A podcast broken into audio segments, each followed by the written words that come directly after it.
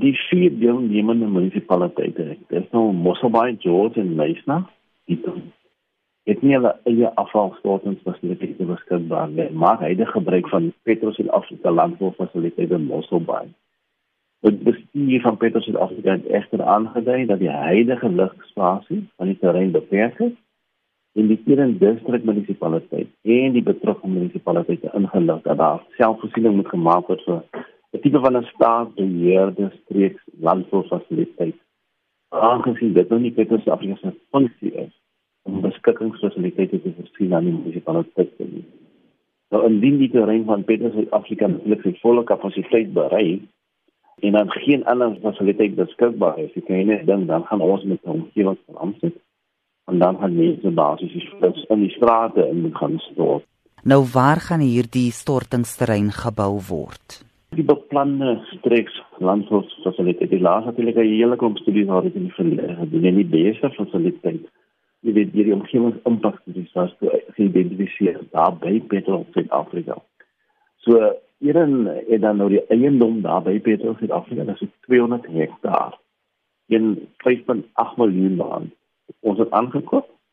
Dit geleë ongeveer 20 km in die Kaapstad rigting op die N2 vanaf die Mosselbaai dorp. Wat is ja. die planne vir hierdie stortingsterrein? Wat gaan daar gedoen word?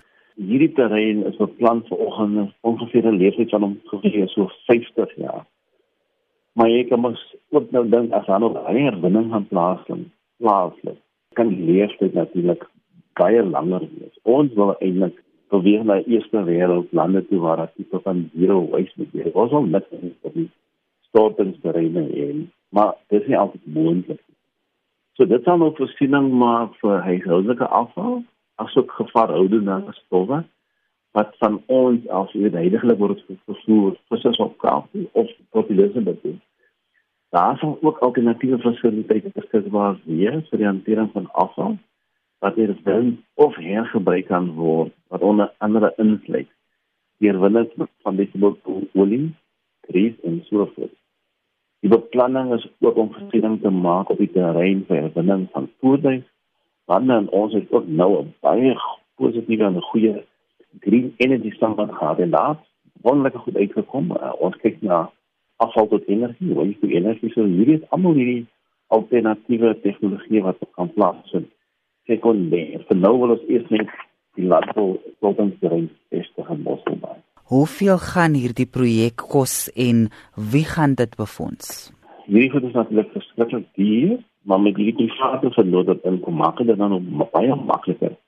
Vir ons daai kostes aan die belastingbetalers dan oordra. So die private vernoot kom in die totale koste van hierdie projek maksimum 9700 miljoen vir 'n tydperk natuurlik van 10 jaar en die koste daarvan gaan nog gehou word dat hulle die betrokke munisipaliteite. In gaan slegs natuurlik die jaging van die kapitaal, die pryskoste wat baie belangrik is natuurlik, die rehabilitasiekoste en so voort.